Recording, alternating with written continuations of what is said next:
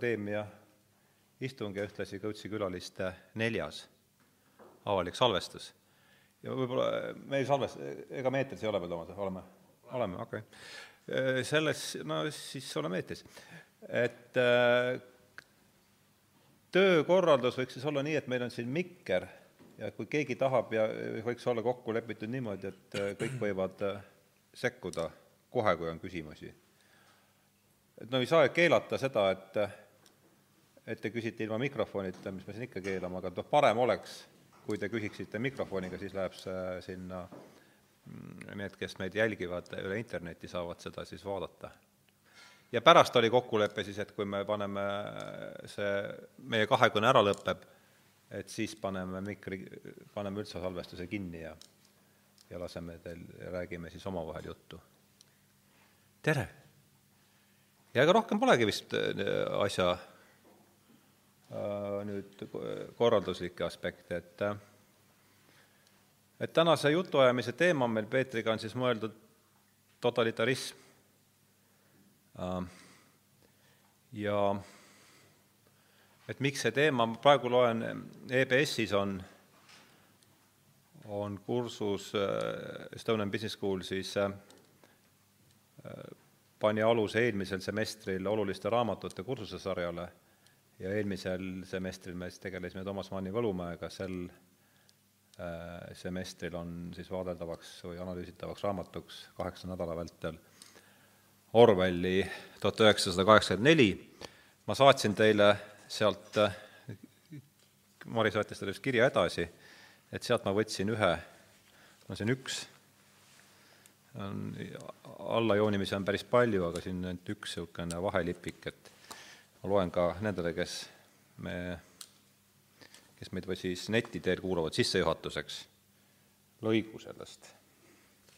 minu meelest on see see Orwelli suurus kirjanikuna tuleb siin ikka väga hästi välja. enamasti tuli andmeid oma peast võtta. näiteks oli Külluse ministeeriumi plaan prognoosinud saabaste toodanguks kvartalis sada nelikümmend viis miljonit paari. Tegelik toodang oli ametlike, ametlikel andmetel kuuskümmend kaks miljonit.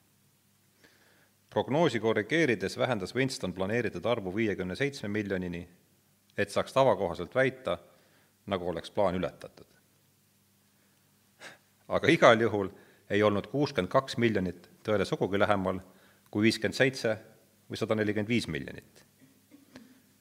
võib-olla ei toodetud üldse mingeid saapaid.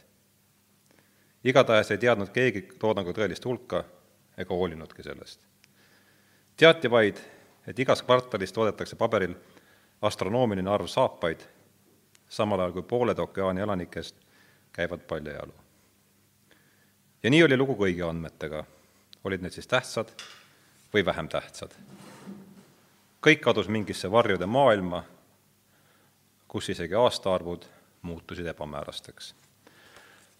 No mul tuleb meelde siin äh, ajakiri Pikker ja osad teist kindlasti mäletavad seda, ma arvan, päris mitmed, niimoodi vaadates vanuselist profiili mäletavad ja seal oli üks kirju kera oli, eks, kus oli sellised väikesed uudised äh, maailmast ja ja minu meelest see, seal küll autoreid juures ei olnud, aga, aga ma olen teada saanud selle, see lugu oli mul meeles. aga nüüd ma olen teada saanud, et selle kirjutas Irmal Trull. Ja lugu oli ise selline, et, see taust on see, et et äh, kes mäletab Nõukogude propagandat, siis seal võrreldi äh, näiteks transistor raadiote toodang Nõukogude Liidus tuhande üheksasaja seitsmekümne viiendal aastal oli niisugune tulp. Ja siis transistorraadiote arv Tsaari-Venemaal tuhat üheksasada kolmteist, see oli siis midagi sellist, no see oli see standard, standardne niisugune statistika esitamine viis, võrreldi kõike siis Tsaari-Venemaaga tuhat üheksasaja kolmeteistkümnendal aastal. ja see uudis, mis oli Pikris, oli see, et Ukrainas äh, mingis külas on kana äh,, elab või elab ja töötab kanamašo, kes muneb päevas no mingi absurdse koguse mune, mingi kuus miljardit näiteks. Et mis on rohkem kui tervel Tsaari-Venemaal tuhande üheksasaja kolmeteistkümnendal aastal ja ühtlasi ka rohkem kui tegelikult nii et Peeter, mis, mis äh, mõtteid tekitavad sul need reminiссentsid nõukogudeaegsest propagandast ja ja hakkame võib-olla sealt, sealtkandist seda asja arutama. et sinu toodud näite peale tuli kohe meelde üks juhuslikult kätte saadud raamat või sattunud raamat, kas see oli aasta, nüüd oli see viiskümmend kaks või kolm või neli, ma enam ei mäletagi, aga et seal oli üks peatükk, kus oli hästi ülistavalt kirjeldatud Siberi demograafia ütleme, märgatavat tõusu viimase paarikümne aasta jooksul. Ja seda, see oli muidugi Nõukogude võimu viljastava sellise ülesehitustöö tulemuseks kirjutatud, et ka, ka mingid tulbad ja iga, iga, igasugused statistilised andmed, et igal juhul Siberis elu kees tänu, tänu Nõukogude võimule, et me kõik Massi, teame massiturismile. mis selle põhjus on, aga jah, et selline, mis mulle selle Nõukogude ajaga on alati meelde tulnud, et noh, Leida Peipsi siin saalis vist mäletavad kõik ei pruugi, ei, seal võib olla liiga julge olek. noh, nägude järgi ma arvan, kõik ei pruugi nooremad võib-olla mäletada, aga mina veel olin ja ütleme, tegemist oli kultus, kultuslüpsjaga omaaegse. kes lüpsis rohkem, kui lehm piima andis, aga et aga et oli Nõukogude Liidul ja noh, ka ENSV-l oli, ta oli vist nõndanimetatud ülemnõukogu saadik ju ka. sotsialistliku töö kangelane, see, see, see oli ka oluline heeros oli, oli et ta oli, istus igal pool nõndanimetatud parlamentides ja tõstis seal oma mandaati või kätt vist ka, kui ma nüüd õigesti ja, mäletan. ta oli saadik, jah aga et noh, lõppkokkuvõttes ju ongi, et kuidas siis selliseid kangelasi, keda rahvale välja toodi, et kuidas neid valiti, et ma ei oska seda öelda, et tõenäoliselt vaadatigi mingi inimene, et ta ei oleks nüüd liiga tark, aga noh, liiga rumal ka mitte, et ta näiteks hakkaks parteile midagi vastu ütlema või. Et siis tekitati meedias teatud, ütleme, kangelannad, kangelased, noh, mingid naistraktoristid, naislüpsjad, kes esindasid siis seda uut äh, üliinimest, kommunistlikku üliinimest ja kindlasti just seda õiget ideoloogiat, et mitte nad ainult kangelaslikult ei teinud, ei noh, ei lüpsnud, vaid nad olid ka oma meelelaadilt või või mõtteviisilt siis esindasid seda, mis oli uue üliinimese ehk uue Nõukogude inimese siis õige ütleme, mõttehoiak. et mul on alati sellega tulnud paralleele, et ma vaatan, kuidas meil praegu äh, meedia toodab äh, selliseid huvitavaid tavaliselt on nad naissoost, et äh, selliseid, kuidas öelda, kangelassallijaid. et mm. täpselt samamoodi, et kord tuleb üks ja siis jälle tuleb teine, siis ta saab presidendilt kõik aurahad ja kutsutakse igale poole ja antakse mingi diplom ja ja, ja kõik plaksutavad ja siis meedia teeb tast, tõenäoliselt ilma nende inimeste enda võib-olla oota, mida sa nüüd pead silmas selle, kuidas, mis see sõna sul oli, esisallijad või? esisallijad, jah Esi,. anna sellele mõistele natukene no ühesõnaga, ühesõnaga ideoloogiliselt korrektsed, et olgu nad siis kirikuõpetajad või mõne MTÜ tegelased, sellised ideoloogiliselt äh, korrektsed isikud, kellest tehakse meedia, meediakangelane, kes esindab siis seda tõeliselt ütleme noh, õiget seda õi-, õiget ideoloogiat, et ta võitleb sallimatuse vastu või ükskõik millise siis paha asja vastu. Ja minu arust toodetakse selliseid inimesi, nad saavad samamoodi igasugu karikaid, medaleid, diplomeid ja surutakse kätte, et minu arust natukene toodetakse selliseid inimesi tänapäeva avalikkuses samasuguse mudeliga, kui kunagi Leida Peips, lihtsalt kontekst on, on erinev, et aga see nagu võte on minu arust sama jah, ja ma olen ka selle üle mõelnud ja see Inimeses loomas ma isegi kirjutasin selle üle, äh, sellest natukene, sellest mehhanismist, ma arvan, et see, ja oleks huvitav kuulda, et mis sina sellest arvad, aga ma arvan, et see on see, ütleme, kõik need asjad ju peavad vastama mingile vajadusele inim-, inimpsüühes. ja ma arvan, et see vajadus, millele, millele apel- või millele, mille rahuldamiseks oli mõeldud nii Leida Peips kui siis, ma ei tea, ma ei mäleta, mis Stahhanovi eesnimi oli. Andrei järsku vist oli küll. ja Andrei Stahhanov, see, noh, see esi, esiheeros siis, kellest see liikumine pihta hakkas. et need kõik ikkagi,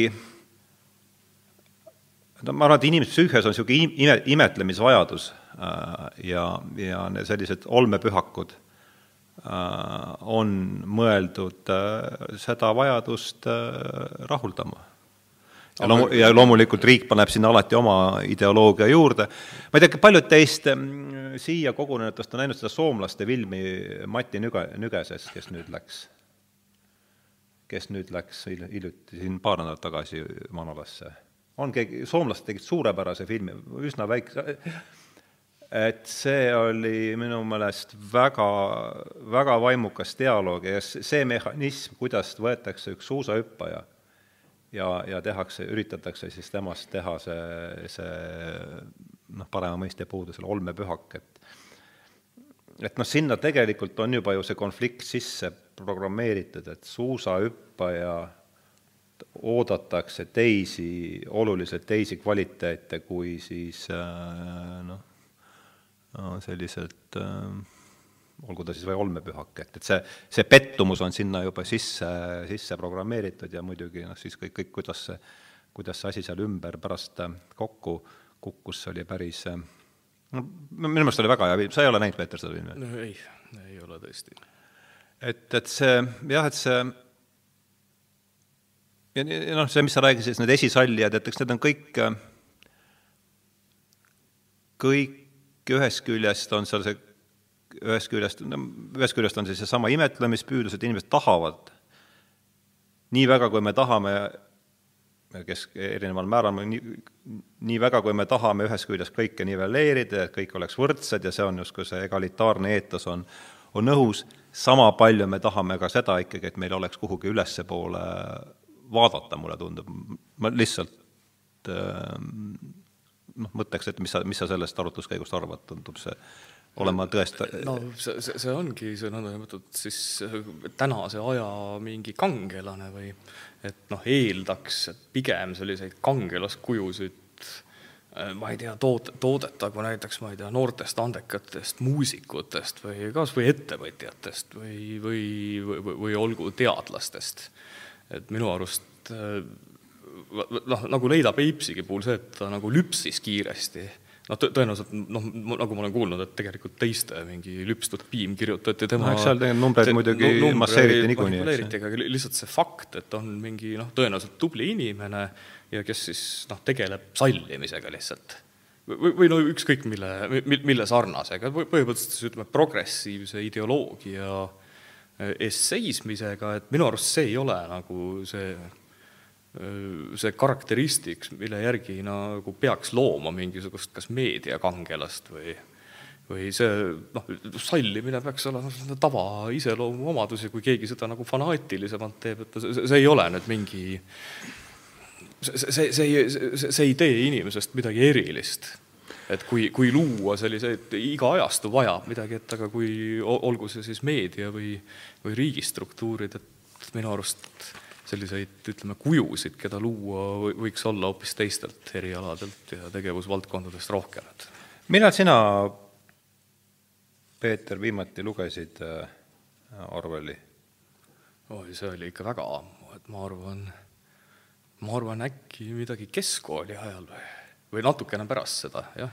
Äh, kes teist, küsime, üritame minna inter-, interaktiivseks, kui, kui paljud teist on lugenud tuhat üheksasada kaheksakümmend nelja viimase aasta jooksul? üks? Viimase aasta jooksul, jah? võtame viimase kahe aasta jooksul julgelt käsi ülesse. ei ole, jah. et äh, no mul tuleb selle sallivusega, see sallivuse sõna on siit nüüd läbi käinud mitu korda seoses ja ja, ja tõenäoliselt, no täpselt nimelt sallivus, no et miks me sellest nii palju räägime? et see on esimene küsimus, et, et kas siin ei ole järsku toimunud mingi väike tähendusnihe selle, selle rääkimise käigus. ja see mul tulid meelde äh, siis Okeaanias, see on siis välja mõeldud äh, maa, kus see tegevus toimub, seal, selleks ajaks on järel, järel neli ministeeriumi, ma loen need ette, siin väikses lõigus ta siis räägib meile natukene okeaani, okeaani valitsemise struktuurist, neli ministeeriumit ja millised need siis on. Um,. tõeministeerium, uuskeeles tõ-, tõmmin, erines rabavalt kõigest muust, mida oli näha. see oli tohutu kiiskav valgest betoonist püramiidne ehitis, mis kerkis astanguliselt kolmesaja meetri kõrgusele seal, kus Winston seisis, seletas silm veel parajasti valgel seinal elegantses kirjas ilutsevat partei kolme loosungit. sõda on rahu, vabadus on orjus, teadmatus on jõud. Räägiti, et Tõeministeeriumi hoones on maa peal kolm tuhat tuba ja vastav juurestik maa all. hajali mööda Londonit oli veel kolm samasuguse välimuse ja suurusega hoonet. Need tooned, need, need troonisid ümberkaudsete ehitiste kohal, nii et Võidumaja katuselt võis näha korraga kõiki nelja. Need olid ministeeriumide hooned, mille vahel jagunes kogu valitsusaparaat. tõeministeerium, mis tegeles informatsiooni, meelelahutuse, hariduse ja kunstiga, rahuministeerium, mis tegeles sõjaga, armastusministeerium, mis kaitses seaduslikkust ja korda ja Külluse ministeerium, mis vastutas majanduselu eest. uuskeeles nimetati neid Tõmin, Ramin, Armin ja Külmin. armastusministeerium oli hirmuäratav asutus. seal ei olnud ühtegi akent. Äh, et mul tuli, kui sa sellest sallivusest rääkisid, mul tuli kohe äh, olles nüüd seda värskelt lugenud ja selle raamatuga nagu suhteliselt intensiivselt tegelenud, tuli kohe esimesena tuli armastuse ministeerium. et see on noh, ma arvan, me võikski siit minna selle uuskeele juurde edasi, aga, aga anname no, sulle, anname sulle enne e Eesti näide, mitte nüüd küll nii otseselt võib-olla ministeeriumitega kokku minev, aga aga nüüd lähiajaloost on ju okupatsioonide muuseumi nimetamine vabamuks. et see on, korraldasime ka ühiskonnauuringut, küsisime kodanike arvamust, praktiliselt mitte keegi ei, ei toetanud sellist noh, see on hea näide, jah. absoluutselt absurdsust, aga et see sallijaskonna seltskond leidis alati mingi põhjuse, miks, et siis põhi, põhimõtteliselt me panemegi, kõigepealt see muuseum on, ta on ikkagi, me peame tunnistama, Eestis oli kaks okupatsiooni, eks ja ke-, mis kestsid pikalt, seal ei olnud, loomulikult sel ajal toimus vabanemisprotsess, aga see muuseum oli mõeldud selleks, et jäädvustada, jäädvustada põhimõtteliselt okupatsiooni. Ja siis tehakse, pannakse vastandlik nimi mingitel ideoloogilistel põhjustel. ehk siis äh, Vabadusmuuseum ja, ja mis seal mingeid e-, eks-, e-, e-, eksponaate muudeti, et see on, see on hästi sarnane, ma ka kommenteerisin seda meedias. Ja, ja tõin Orwelli need armastuse ja rahu ministeeriumi ah, tõid seal selles samas loos, jah? jah, et tõin, tõin selle välja, et mulle tuli kohe, kui see Vabamu nime muutmine või okupatsioonide nime muutmine tuli mul esimesena, tuli Orwell meelde. et see oli kusjuures, pikalt ei olnud mõelnud selle raamatu peale, sest kunagi noh, hilist teismeeas sai loetud, aga siis tuli kohe meelde, et, et kuida-, ku-, ku, kuidas nagu ideoloogiliselt manipuleerida mingite sõnadega, aga, aga no, noh, hea näide on pärast teist maailmasõda muudeti ka kõik äh, sõjaministeeriumid, noh, USA-s näiteks oli Department of War. Et siis äh, sellega ühendati siis Department of Navy ja tehti Department of Defense. Et ja see oli ülemaailmne trend, et aga see on pärast teist maailmasõda mõnes mõttes ka mõistetav. ja siin on ta, siin on ta rahuminist-, rahuministeerium, mis tegeles sõjaga. rahuministeeriumiks, aga kuna loodeti, et uut sõda ei tule, et siis noh, leiti, et see ministeerium peaks nagu nimes peaks sisaldama, et me kaitseme ennast, mitte ei ründa. no kuigi me teame, et see on silmakirjalik, aga aga et niimoodi noh, USA-s ja lääne, läänemaailmas ja igal pool selline otsus vastu võeti, aga et see, see ei ole otseselt vale. et see, sellest ei tehtud nagu rahuministeeriumi, vaid tehti kaitse, ikkagi sõjaga seotud, aga et eks ni-, ni-, nimedega manipuleerimine on alati alati ideoloogia. nimede ja osa. keelega manipuleerimine no, ke, laiemalt keelega ja, ja minu arvates on see Orwelli äh,, Orwelli äh, tuhat üheksasada kaheksakümne neljas ongi see kõige olulisem koht, on ikkagi see keele, keele järk-järguline äh, keele järk-järguline anastamine, ma arvan, mingi, mingi seltskonna poolt, kui see, kui see äh, protsess jõuab mingi kriitilise piirini, siis me no sa, sa asendadki inimese jaoks tavaarusaadavad mõisted millegi uuega. et in-, noh, sa te-, tekitadki selle nõndanimetatud uuskeele, mis võimaldab sul mõelda ainult partei, ütleme, kujundites partei kantseliidis, et see on no.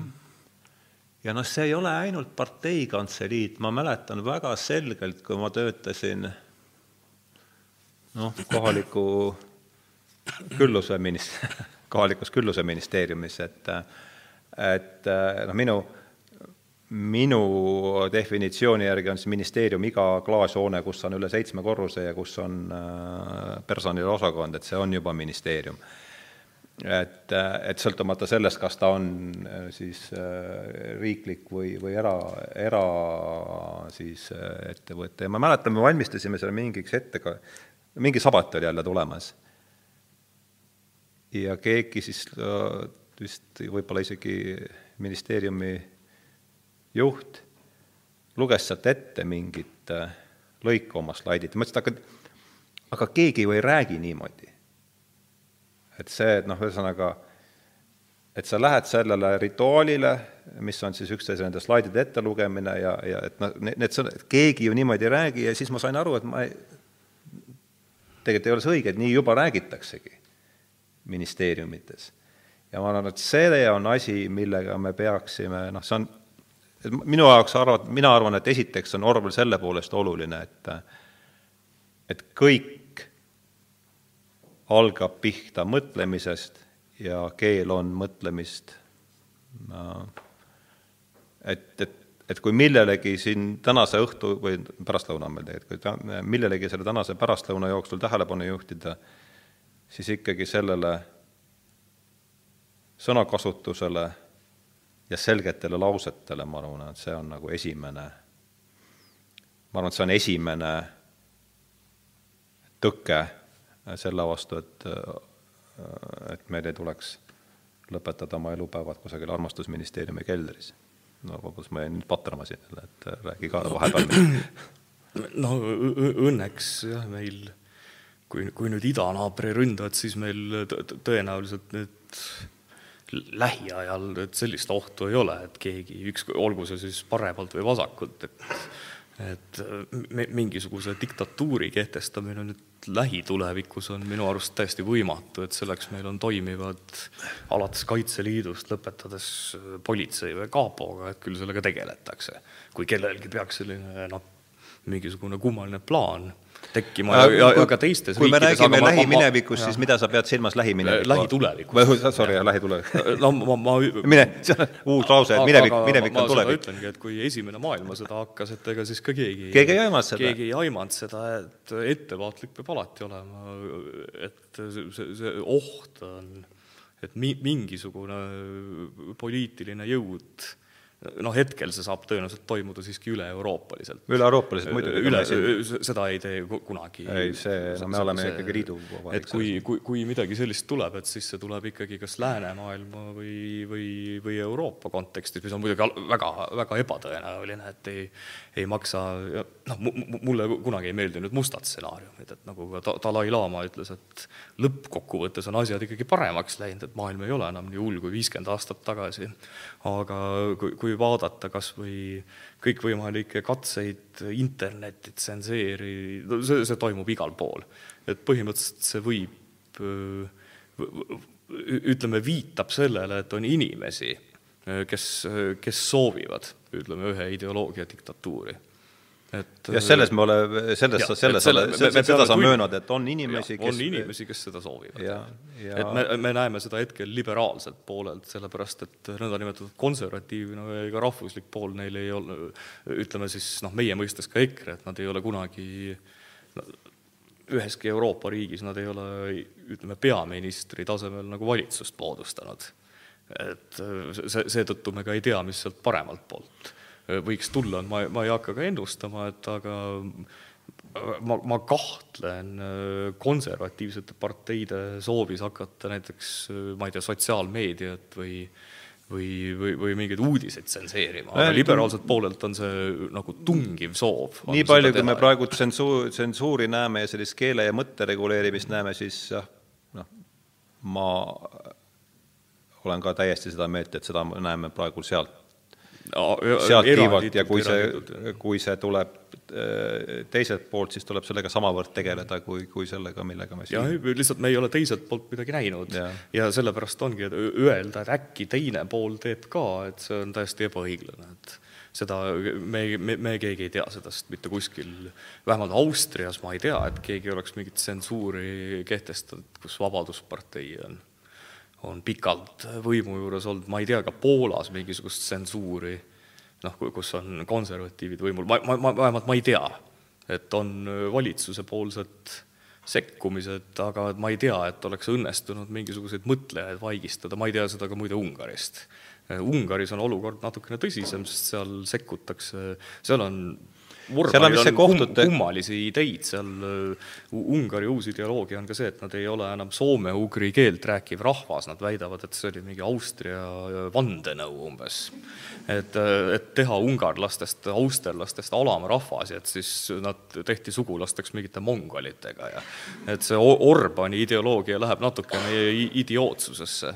aga see..., aga ma ei ole, ma ei ole kuulnud, et keegi, et kedagi mingi sõnavõtmise pärast taga kiusatakse et või, võib-olla neid juhtumeid on, aga et ma ei tea, et riik represseeriks seal inimesi. on ebameeldivaid aspekte, mis toimub. aga ühesõnaga, ma ei, tõesti ei tea. välja arvatud jah, on äh, väga rumala sellise noh mõtlematu ideoloogia baasilt luuakse no, selliseid rahvusromantilisi lollusi. kui niisugune ideoloogia, ide-, ideoloogia lagedale tuleb, mis on silmnähtavalt absurdne, siis sealt muidugi on kiire tulema juba kogu see muu asi nagu rabur, riburitabede järge. no Ungari, ma arvan, on ainus näide, kus seda on, ütleme, mõõdukalt on näha sellist riigipoolset sekkumist nii teaduse kui ka ütleme, mõttevabadusse, aga mujalt ma ei tea ja, ja ka Ungari puhul see on, no see on meedias üle paisutatud, see olukord no, kuivõrd... olukord on ebameeldiv, aga et no küll see üle läheb, et see jah, kuivõrd jah, ta on selgelt meedias üle pingutatud, siis noh, ja, ja ja siis on väga raske aru saada, mis seal siis tegelikult toimub ja võib-olla ongi asjad noh, hullemad, kui ma, kui mina oskan arvata, aga noh, selles, et no, peavoolumeedia meil siin seda asja üle võimendab, on ka, selles ei ole eriti no, ja, ja, vist kahtlust no,. niivõrd, kuivõrd me siin üldse võime olla asjades kindlad no,. Ungari, Ungari puhul on ju, meie meedias ei ole seda kordagi kirjut-, sellest kirjutatud, ma olen ise mitmele ajakirjanikule öelnud, et äkki nad kajastaks, et see on selline hästi huvitav huvitav asi on ju see põhitrall käib siis Sorose Kesk-Euroopa ülikooli ümber, et ma täpselt ei tea, ma isegi andsin mingi allkirja kuskile mingile petitsioonile, et seda ei suletaks, sest ma ei leia, et mingi administratiivmeetoditega ka miljonäride sõnaõigust tohiks piirata, et tegelikult mingi parempoolne miljonär võiks vastukaaluks teha mingi teise ülikooli, mitte hakata noh, mm. sõnavabadust piirama. aga et mis on Eesti meedias täiesti tähelepanuta jäänud, on ju see, et Ungarit hakati kohe antisemitismis süüdistama. et äh, Soorost kiusatakse taga ja järelikult Ungari peaminister Orban on antisemiit. selle peale lendas kohale kohe Benjamin Netanyahu, pidas rahvale koos Orbaniga kõne ja, ja mainis, et tema kiidab heaks Soorose vastased meetmed. põhjus oli, põhjus oli see, et Sooros oli oma MTÜ-d ka Iisraeli tekitanud, mis siis õõnestasid parasjagu Iisraeli, ütleme, piiripoliitikat ja ja nii edasi ja põhimõtteliselt Soros sai Iisraelilt sule sappa mm.. ma, ma ei tea täpseid olusid. millal see oli, see on nüüd viimase aasta-kahe, ütleme, teema mm. -hmm. et Soros läks ka Iisraelist, ta läks liiale, ütleme, et noh, see on loogiline, et sõjaseisukorras riik muidugi pöörab tähelepanu, kui järsku mingi mees hakkab, paneb kogu riigi täis mingisuguseid oma selliseid ideoloogilisi noh, tegelasi, kes ütlevad, et Iisrael on paha näiteks, et see on no juudi riigi poolt täiesti arusaadav samm, aga Netanyahu kiitis Orbani tegevuse heaks ja ütles, et Soros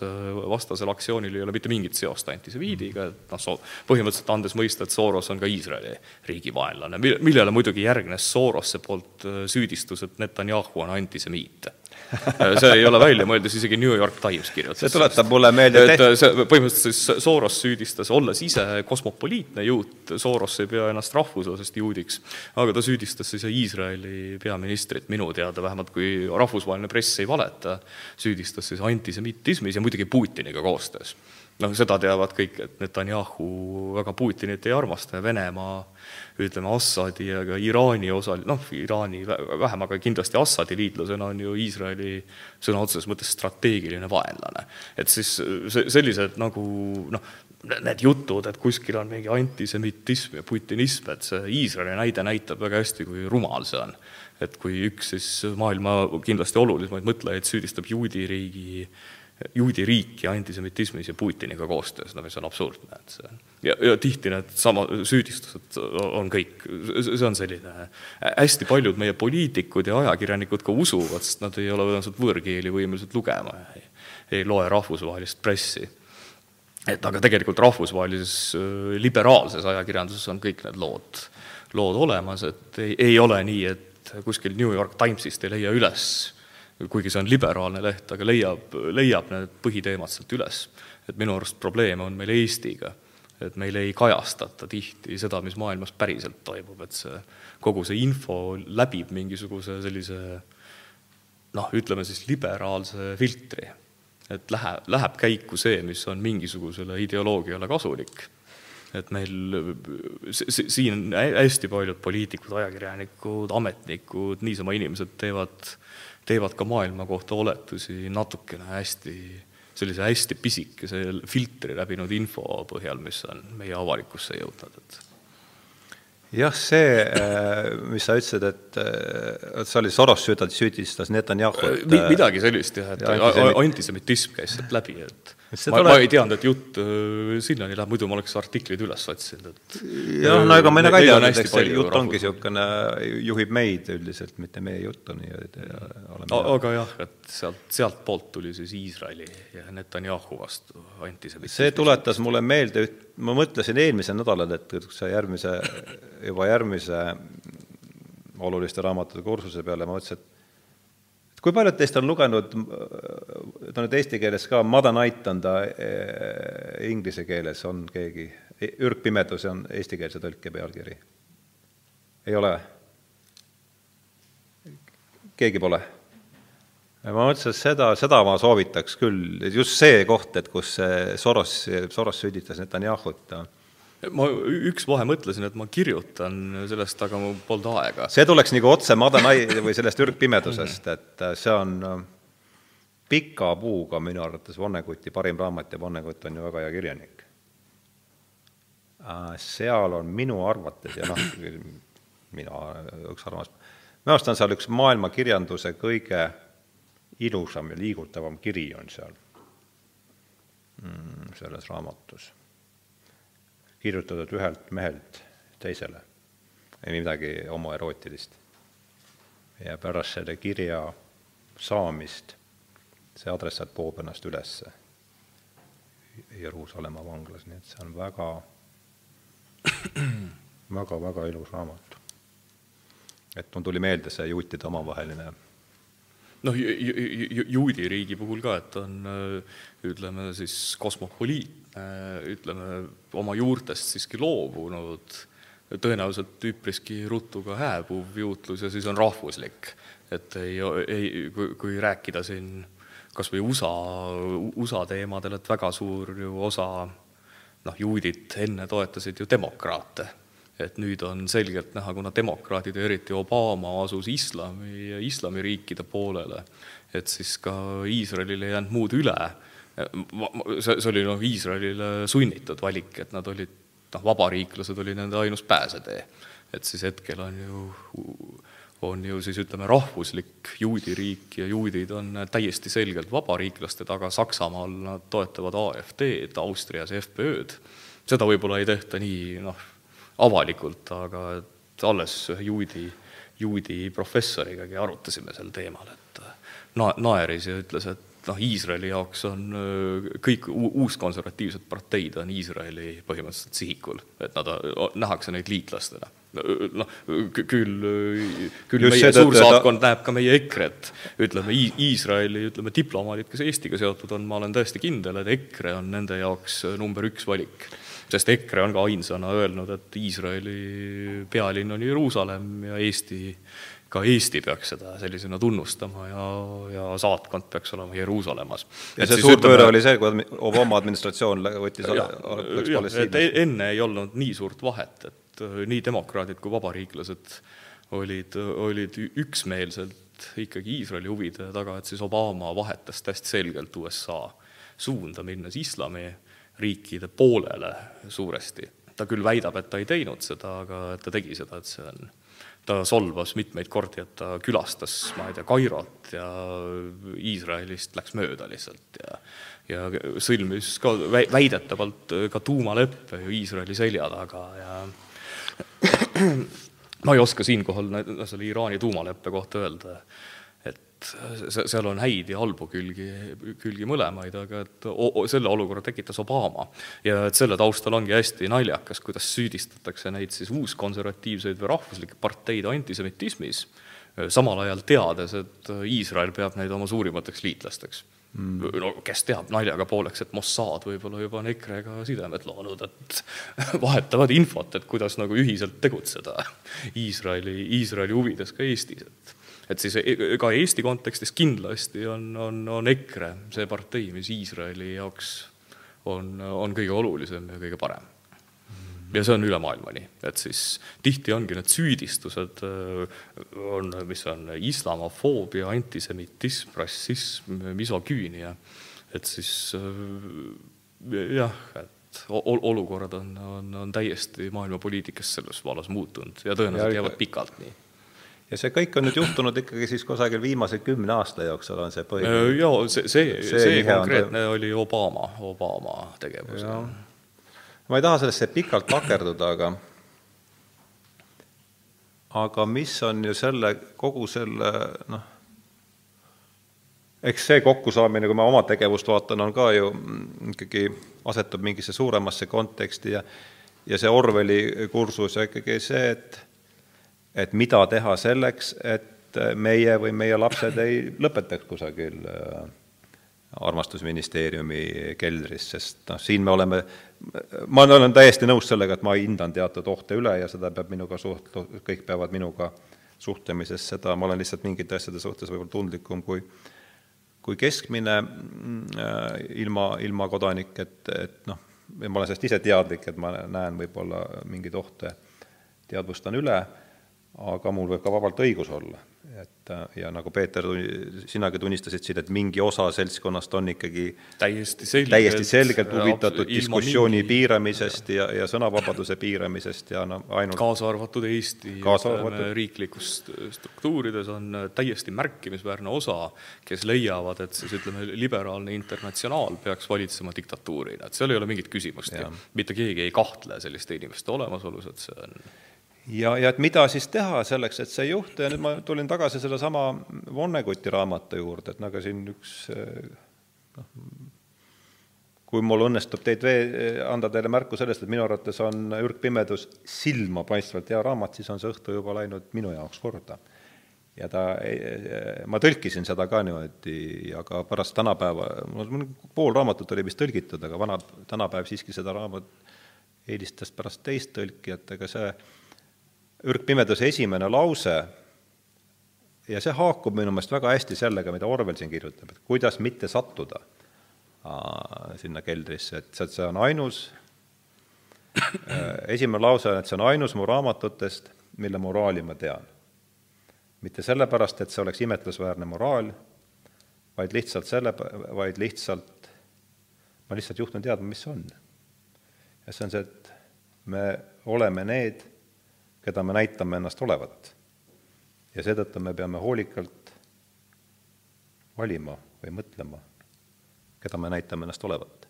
no seesama Jordan Peterson on oma loomult selles suhtes Orwelliga väga sarnane. no põhimõtteliselt ta teeb sama asja, lihtsalt Orwell oli ilukirjanik, Peterson on sisuliselt reaalteadlane. põhimõtteliselt hakkab aga... ikkagi siis sisemisest aususest hakkab see olles mõle-, ka nii Orwell kui Peterson ju nooruses olid vasakpoolsed. Orwell, Orwell eriti. Orwell äh, kindlasti ja, ja Peterson, Peterson oli ka, isegi parteis, ta oli mingisuguses töö- või sotsialistlikus parteis, kus ta ütles, et aegapidi hakkas taipama, et seal need inimesed ei hooli tegelikult mitte kellestki peale iseenda ja peale võimu, et millest siis tuli, tuli, tuli, tuli ka see muutus ja noh, põhimõtteliselt Orwellil oli ju, need, need mõttekäigud Orwellil ja Petersonil on täiesti teises kontekstis, aga et nende põhi, põhipoint on põhimõtteliselt neil ikkagi sama, jah jah, aga veel kord ma lõpetan siin ma, siis jääb see Vonneguti teema sinnapaika, aga ma arvan, et see on väga oluline, siis ta räägib, see on seal eessõnas, on mingi poolteist lehekülg, kaks, kaks ja pool lehekülge on seda eessõna, ja siis ta tuleb eessõna juurest tagasi, et nüüd, kus ma selle peale mõtlen, tuleb mul veel teinegi moraal pähe. et kui te olete surnud, siis te olete surnud. ja, ja, ja nüüd ja siis lõpuks, et mul ja veel kolmaski tuleb. Inglise keeles oli see make love when you can, it's good for you. Ja eesti keeles, selles tõlkes, mis ilmus, on, et äh, tõlgiti see, et armastage, kui saate, see on teile kasulik. ma ütlesin, minu tõlge oli kindlasti parem, aga äh, kuidas, kuidas? pärast me võime pär-, aga noh, selles kontekstis make love ei ole selgelt äh, armastage, kui te saate, et seal on mõeldud midagi mõnevõrra no ja siin tuleb hästi palju neid nõu-, nõukogudeaegseid tõlkeid, kus vist oli mingi Itaalia filmis, kus siis naine viskas mehe asju ja kotte aknast välja ja karjus, et Pietro pederasto impotento. Ja siis äh, hääl, hääl luges peale Pedro jadib Bolšeneli noh, kui need videokassetid tulid. päris, päris mul tuli selle, võib-olla läks niisuguse, läheb frivoolsemaks asi, siis tuli jälle Pikrist meelde lugu, et äh, sealsamast, ei, see oli Padavere uudised, ma ei tea, kas sina mäletad Padavere uudiseid? jaa, ikka. Äh, mingi rubriik oli Padaveres ja just see, jälle selle armastus ja küllus ja, ja Tõeministeeriumi kontekstis, et et parandamaks elanikkonna varustatust toiduainetega, otsustati Padavere saevisk ümber nimetada Padavere lihakombinaadiks no nüüd, nüüd tuli see Töötukassa. ja täpselt, ja täpselt, kui ma seda Töötukassa, see, see oli, kui see Töötukassa lugu tuli, mul tuli kohe meelde see Padavere kuussada tuhat või oli see miljon, palju see nimevahetus maksma läks, et ei tea, mitu töötut oleks õnnelikuks saanud selle raha eest, et päris palju, et see nojah, ütleme see töötusega võitlemise, aga nojah, et see oli, mul täpselt see esimene oli kohe see, kui ma seda haige või mis kuradi kassa see seal oli? noh, ma ise tegin sama, selle kontekstis idee nimetada Tartu Ülikool Lõuna-Eesti Regionaalteabekeskuseks ei ole ka paha. et mitte, mitte kedagi solvata, et see mis Lõuna-Eesti Regionaalteabekeskus, see on sul päris äh, nii, aga ma mõtlen, me oleme siin selle, äh, selle teema ümber nüüd natukene pöörelnud. Äh, romaanil on siis lisa. Ja arvan, et see on see, ma olen korduvalt siin seda lõhu-, rõhutanud, seda keele poolt siin, lisa kannab siis pealkirja Uuskeele põhialused ja selle esimene lause kõlab nii, uus keel oli okeaania ametlik keel ja see oli loodud selleks, et rahuldada ingsotsi ehk Inglise sotsialismi ideoloogilisi vajadusi. jah, ma ei hakka seda siit edasi. ingsots, Inglise sotsialism. kõlab päris äh, ettenägelikult, kas mitte mm,? jah. noh, ing-, inglise, ingsots, nojah, et et praeguse Inglismaa kontekstis? no ütleme, et praegu ta oleks siis mitte Inglismaa, vaid ingliskeelse, ma võtan seda pigem ingsots, mitte Inglismaa, vaid inglise keele ruumist tuleva selle noh, selle mingi hoiakuga, mida, mille eest Orwell meid siin minu meelest selles raamatus hoiatab no,. sina ju ammu kunagi juhtisid, kes oli see ja see tuli meil jutuks ka see, me vedasime, sa oled mul tähenduse teejuhtides käinud kaks korda, eks? me tegime, mõlemad saated on olnud sel aastal, Märt Läänemets ja Peeter äh, käis saates, äh, kus me rääkisime idafilosoofiast, oli üks saade, eks. ja see, ja siis äh, Kivisildnikuga käisid sa saates, mis sai pealkirjaks Surnud käsi ja seal sa võtsid jutuks selle, kes oli see KGB ohvitser, kes Juri Besmanov. Besmanov, jah, räägi sellest, ma ei tea, palju siin kuulajad on ka Youtube'is saadaval, et äh, räägi ja, see ta oli KGB ülejooksik, et ja. ta oli nagu kõik teavad, et KGB mik-, miks KGB väga tihti väga edukas oli ja seda siiani on, et neil olid väga head õppeasutused, märgatavalt paremad kui näiteks USA vastavad ametkonnad, et KGB alustas oma, oma ohvitseride koolitamist ju keeleõppest ja kultuuriõppest ja väga-väga põhjalikud äh, valmistati, ühesõnaga need inimesed, kes kuhugi riiki saadeti, ei olnud rumalad. Et ei olnud mingi nahkmantlis või soniga mingi selline nuhk nurga taga, kes midagi pildistas, vaid need olid inimesed, kes suhtlesid eriti ülikooli professoritega, kirjanikega, intellektuaalidega, kunstnikega, poliitiliste aktivistidega. ja noh, mida see Bezmenov just ise välja toobki, et KGB siis, mis on noh, ammu teada, et kaheksakümmend viis protsenti oli ideoloogiline mõjutustöö põhi, põhimõtteliselt äh, lähedal seismine isikutele, valdavalt siis ülikoolid, ajakirjandus, kirjandus, kunstid, äh, poliitilised aktivistid, et saada, põhimõtteliselt, et saada need inimesed täitma siis Nõukogude Liidu ja KGB poolt äh, ideoloogilist agendat. ütleme, ideoloogilist agendat. et see oli kaheksakümmend viis protsenti KGB tööst välisriikides oli pühendatud sellele, uskuge mind, ka Eestis on see nii, et ei, ei, ei ole see nii, et me-, Metsavast võib-olla pildistas mingeid dokumente või Simm, et et ma olen sada protsenti kindel, et see põhimõjutustöö käib täpselt samamoodi ülikoolide, ajakirjanike, ütleme, avaliku elu tegelaste kaudu, võib-olla ka kirjanike, me ei tea seda.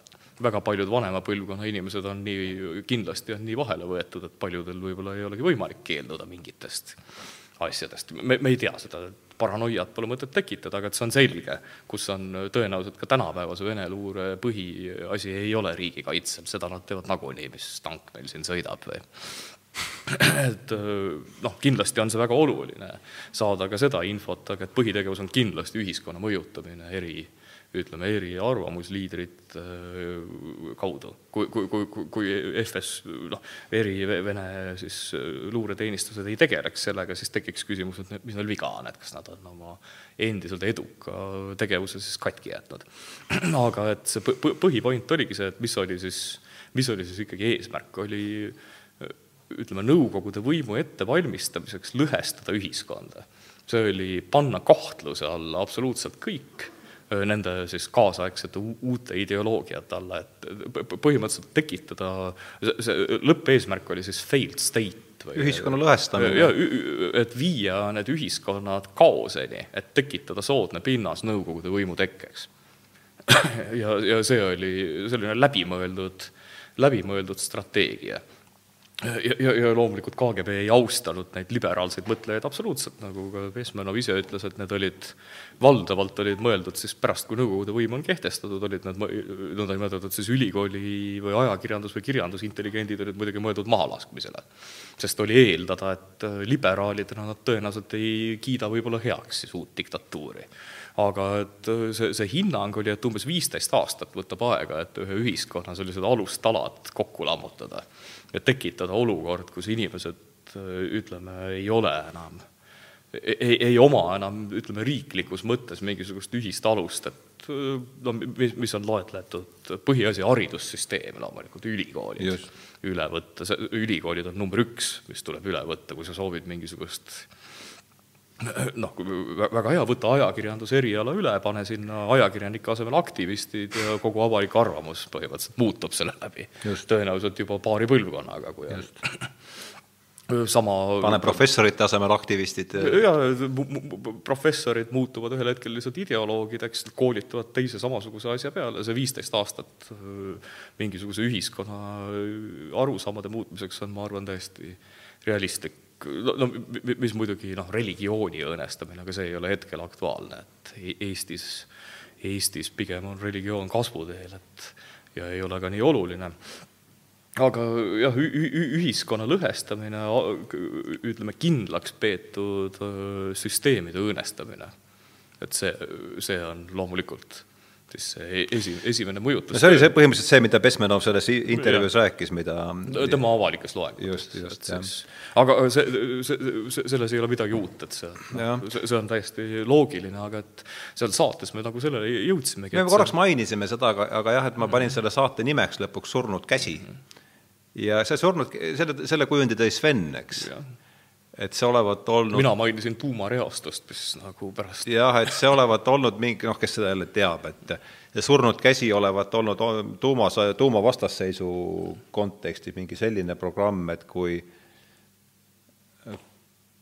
isegi, et kui see Nõukogude plokk on lüüa saanud, et siis kusagilt maa seest tulevad, ma ei tea, kusagilt, ma ei tea, mägede vahelt tulevad ikka veel mingid raketid, mis siis lendavad ja teevad, no ikkagi tagavad selle, et ka võitja lõpuks hävitatakse, see olevat siis see, ja selle programmi nimi, noh, ju ta sinna mütoloogiasse hajub, see ilmselt asi, aga selle programmi nimi ei olevat olnud Surnud käsi, ja, ja siis Sven tõi selle välja, et need lääne ülikoolid justkui oleksid praegu see surnud käsi, mis on, see... mis on külma sõja kontekstis äh, nagu ma ütlesingi, mina, mina tõin võrdluse, et see on nagu tuumareostus, mis impeeriumist praegu tuleb meie enda peale tagasi, mille nad kunagi nagu istutasid sinna, ütleme, lääne ülikoolidesse, intellektuaalsesse maastikku, nüüd me saame ise läänest selle nõndanimetatud KGB projekti omale tagasi.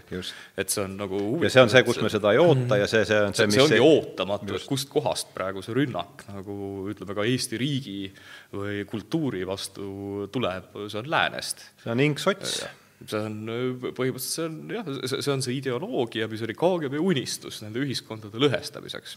igasugused postmodernismid, Sartrid, vahet ei ole, kes need on. kõik esindasid ühte sedasama asja, ühesõnaga vana ühiskond, kapitalism tuleb kukutada. see, mis uus asemele tuleb, on ükskõik. Nõukogude Liit teadis väga hästi, mis uus asemele tuleb, liberaalid lasevad maha ja tuleb kommunistlik diktatuur, eks.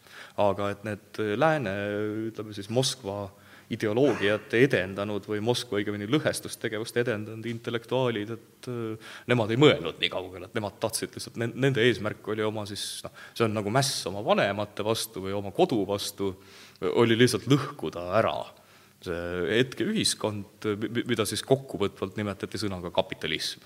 see oli siis kapitalistlik patriarhaalne, no patriarhaalne on uuem.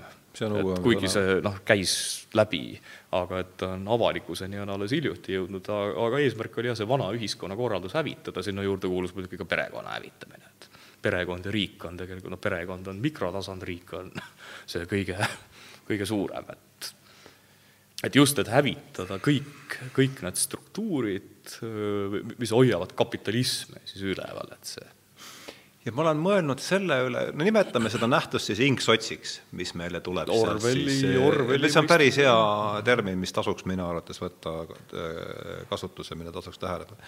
et oletame, et see asi on siis ingsots, mis imbub meile noh, kust ta tuleb? Äh, ülikoolid, peavoolumeedia ja mis on võib-olla kõige imelik, on ka suure ma, ma mainiks, et lääne peavoolumeedia, kas või see New York Times, et sealt saab info kätte et see olukord ei ole nagu nii hull. et minu arust ma vaatan Eestis viimasel ajal ei saa enam. et see on kuidagi sellest suvest alates on selline no sa, sa tund-, sulle tundub nii? mulle tundub sellest suvest alates kuidagi on midagi väga viltu läinud.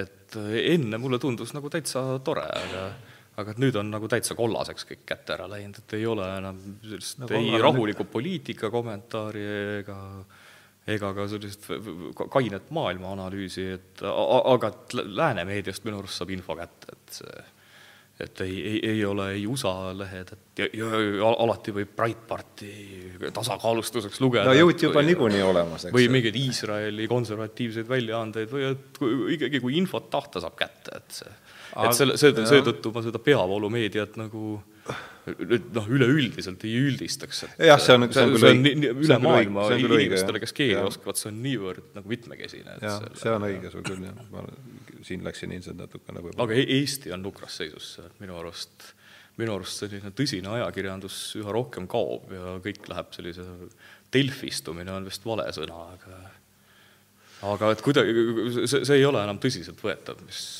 me, me saame infot läbi mingisuguse sellise üks kahest, kas meelelahutuslikuks muudetud filtri või siis ideoloogiliselt korrektseks. aga, aga meil, meil, meil ei ole enam seda noh, sellist arutelu väga tihti, et üks nähtus, mis mind ja Peterson on sellest ka rääkinud, aga et ja mis mind on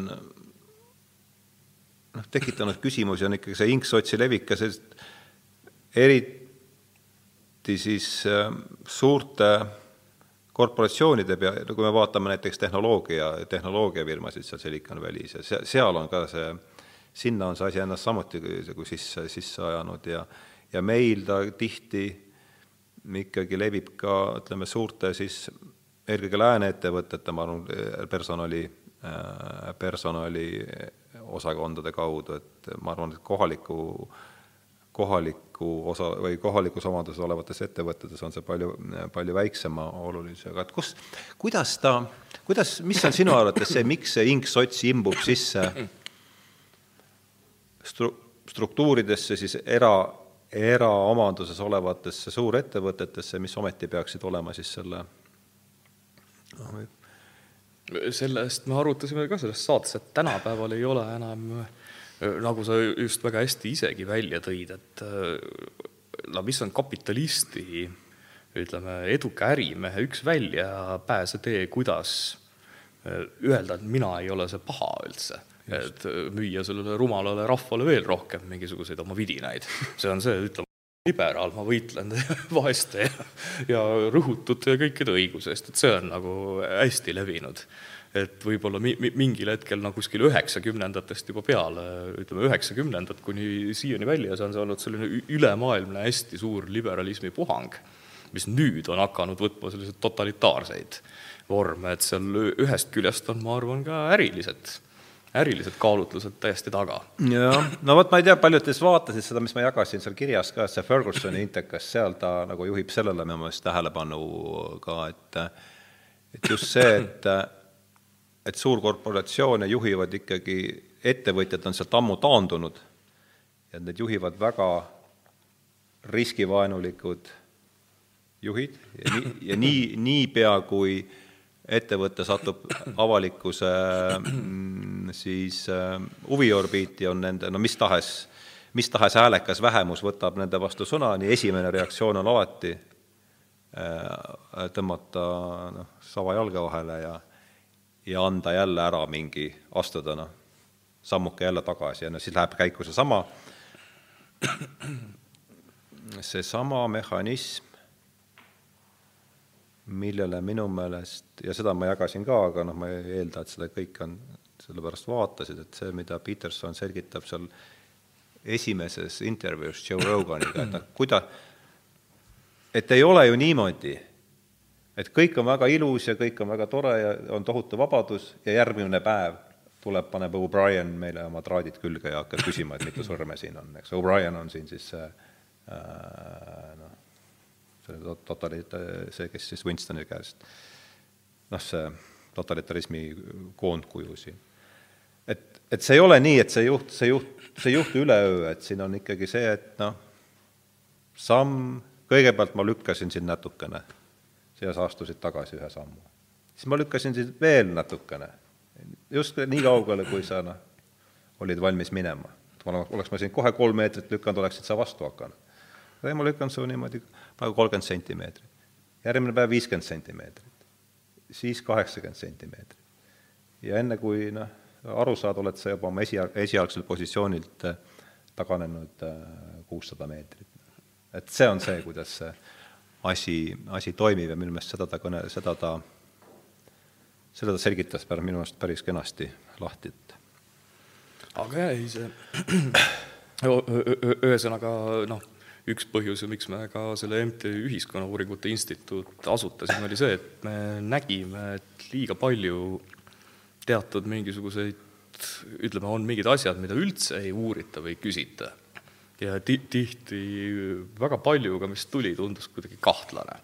ja siis oligi, kui noh, meie väärtushinnangute küsitluste teemadel siis Martin Mölder, Tartu Ülikooli Schütte instituudi politoloog, et mm -hmm. praegu peaks olema siis Eesti Teadusfondi grandi saanud ja uurib üks tuntumaid, kiirelt tuntuimaks Eesti poliitika kommentaari, teie jaoks tõenäoliselt saanud mõne aastaga. vabandust, väike külmetus. et ta, ta, ta, tema tegi siis väärtushinnangute uuringute põhja, põhjal umbkaudu sellise järelduse, mille kohaselt eestlastest üliväike osa defineerib ennast liberaali või konservatiivina. aga kui vaadata neid päris nagu eluhoiakuid siis sotsiaalses mõttes, et siis umbkaudu võib meie kodanikkonna jaotada et, et kaheksakümmend protsenti on sotsiaalselt konservatiivsed ja kakskümmend protsenti liberaalsed. Ja vot see oli info, mis väga-väga tõsiselt ärritas no kaasa arvatud sotsioloogia. Teid ju süüdistati ka kõikide, süü... kõikides asjades. las nad süüdistavad, et nad ei, neil, neil ei ole mitte ühtegi argumenti, et tavaliselt see on mingisugune see väljamõeldud lapsikud süüdistused, saadavad kuhugi meediaväljaannetele mingeid kirju, et meid ei tohi avaldada ja et see, see kas see oli, kas see oli, mis te Postimehega koos tegite, see, see mingi valimiskompass oh,? see oli see oli teie tehtud või? see oli seal läks ju ka mingi tohutu paanika lahti, et miks, kuidas tohib nii küsida? see, seal oli ja see on mina küsiks, et kuidas, kuidas tohib nii küsida, et kas tohib nii küsida, et mis seal veel tehti, see, see toodi ka välja, et see olevat äh, siis Linnamäe, meie ja Postimehe ja IRL-i ja EKRE, tähendab Isamaa ja EKRE vandenõu kallutamaks valijaid hääletama siis Isamaad ja EKRE-t et nende, ühesõnaga nende inimeste vandenõuteooriate võimekus on, see on muljetavaldav. et see Ando Tõnumaa, kes vist olla see, olla ka vist mingis saates olnud, kohtasin muide astronoomi, kes ta ka kunagi väitles, et ta tegi ju niimoodi, kui ta seda kirjeldas. Et aga, et mul on tunne, et see noh, Ando Tõnumaa on vahel oma nendes noh, konspiratsiooniteooriates ja lapikumaa teooriatest on natukene tagasihoidlikum, kui on need igasugused ütleme, mõningad ajakirjanikud ja sotsioloogid, kes igal pool mingisugust vandenõud otsivad. et need iga, igasugu vandenõud, kus kõik asjad käivad ja mingid niidid jooksevad ja keegi tõmbab neid, et see meenutab minu arust nagu vaimuhaigla patsiendid oleks koos, et ja siis no, omavahel nagu panevad mingeid vandenõusid paika, aga kõige hullem on see, et meil mingid lehed trükivad ära need et tavaliselt, kui hull midagi kirjutab, siis psühhiaater lihtsalt vaatab ja noh, määrab rohud, aga et meil läheb, meil läheb see asi trükki. no hea näide oli, et ükskord ühe suure väljaandega noh, lihtsalt üks väga meeldiv ajakirjanik muide palus kommentaari, et kuidas ma kommenteerin, et Margus Linnamäe tahab Ühiskonnauuringute Instituudi kaudu luua uut konservatiivset parteid. ja et kas ta on teie taga ma nagu tükk aega mõtlesin, nagu kust nagu selline asi välja võetud, siis ajakirjanik seletaski, et aga see on juba pikk teooria, et see on liikunud nagu juba pool aastat, et tõenäoliselt see on siis siis ma nagu seletasin, et ei, meie noh, rahastajad ja kõik liikmed ja kõik on nagu ainsana Eesti MTÜ-des, kõik on nagu avalikult olemas ja nagu keegi ei varja mitte midagi, me ei ole kunagi midagi varjanud ja siis luuakse luuakse selliseid täiesti nagu absurdseid mingisuguseid skeeme. see on kõik sellest minu arust, et, et see kogu see elu on niivõrd politiseerunud, et nii, kui keegi avalikuna areenil juba midagi teeb, et siis ta järelikult tahab ei, teha parteid. et ega minu käest küsiti ka alguses kogu aeg, et ka millal saab pöökis partei ja mis asja seal noh. aga te, tegelikult nende rünnakute taga on see, et lihtsalt ühele seltskonnale ei meeldi see, mis välja keegi... tuleb ja see no. just eriti ka see fakt, et tõepoolest ühe aasta küsitlus võib, väärtushinnangute küsitlus võib valetada, aga kui neli aastat järjest tulevad samasugused vastused, siis on nagu see eksimisvõimalus ikka väga väike. et me võime, keegi soovis vist ja, ja. Läks korraks vahele, ütlen.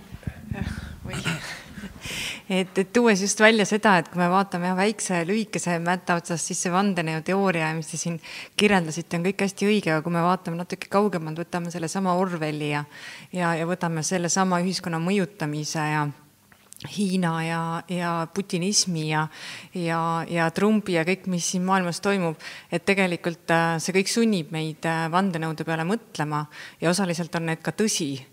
et et, äh, et kuidas siis, kuidas siis suhtuda sellesse, kuidas teha vahet, mis on päriselt ka vandenõu ja kui palju me peame vandenõud kartma, et kui me räägime siin konna aeglasest keetmisest, et kõigepealt on kümme sentimeetrit ja, ja lõpuks on mitu meetrit ja olemegi seal sees ja pole ise üldse arugi saanud, et äh, tegelikult me peame seda kartma, et me seal Tõeministeeriumi keldris ei lõpetaks, et tõeministeerium et, ei ole veel kõige hullem, armastusministeerium on. jah, vabandust, armastusministeeriumi keldris. seal on, tõeministeeriumis olid aknad, aga armastusministeerium et tegelikult on ju need, need teemad, mille peale me tahame, et inimesed mõtleks, saaksid aru, kus on päriselt, keegi juhib meid ja, ja kus on nii-öelda see ülesköetud vandenõu kohe vastakski, et see päris vandenõu ongi seal, mis neid vandenõuteooriaid loob. et see, see ongi see, ühesõnaga ütleme, kui Lapiku maa puhul on samamoodi see ainus vandenõu, mis päriselt eksisteerib, ongi Lapiku maa teoreetikute vandenõu, eks. või siis MMS-i või et ühesõnaga, me ju teame, noh, need MMS ja muud imeravimite tegijad ja müüjad ju väidavad, et on mingi omakorda ravimitööstusel ja ja, ja arstidel on vandenõu, et nad varjavad umbes õigeid ravimeid rahva eest. et aga tegelikult ju ainus vandenõu on sealsamas nendesama MMS-i inimeste juures, nemad teevad vandenõud. sama võib ka öelda nende, see, see ütleme, riiklikul või ka ajakirjanduslikul tasandil see vandenõu ongi sealsamas ühesõnaga nende inimeste juures, kes neid vandenõuteooriaid loovad. ja se-, se-, selles suhtes, et selliste vandenõuteooriatega tegelikult annabki ennast legitimiseerida. sa saad, ütleme, mingi endale mittesobiva seisukoha, no ütleme, Ando Tõnumaad ja Lapikumaa teooriat ei usu keegi, aga kui näiteks inimene on no, kaitsnud siiski, siiski tal on oma järgijaskond no, on ikka olemas. ta valimiskünnist ei ületaks tõenäoliselt, et ma ei usu, et neid üle kolme-nelja tuhande Eestis leidub.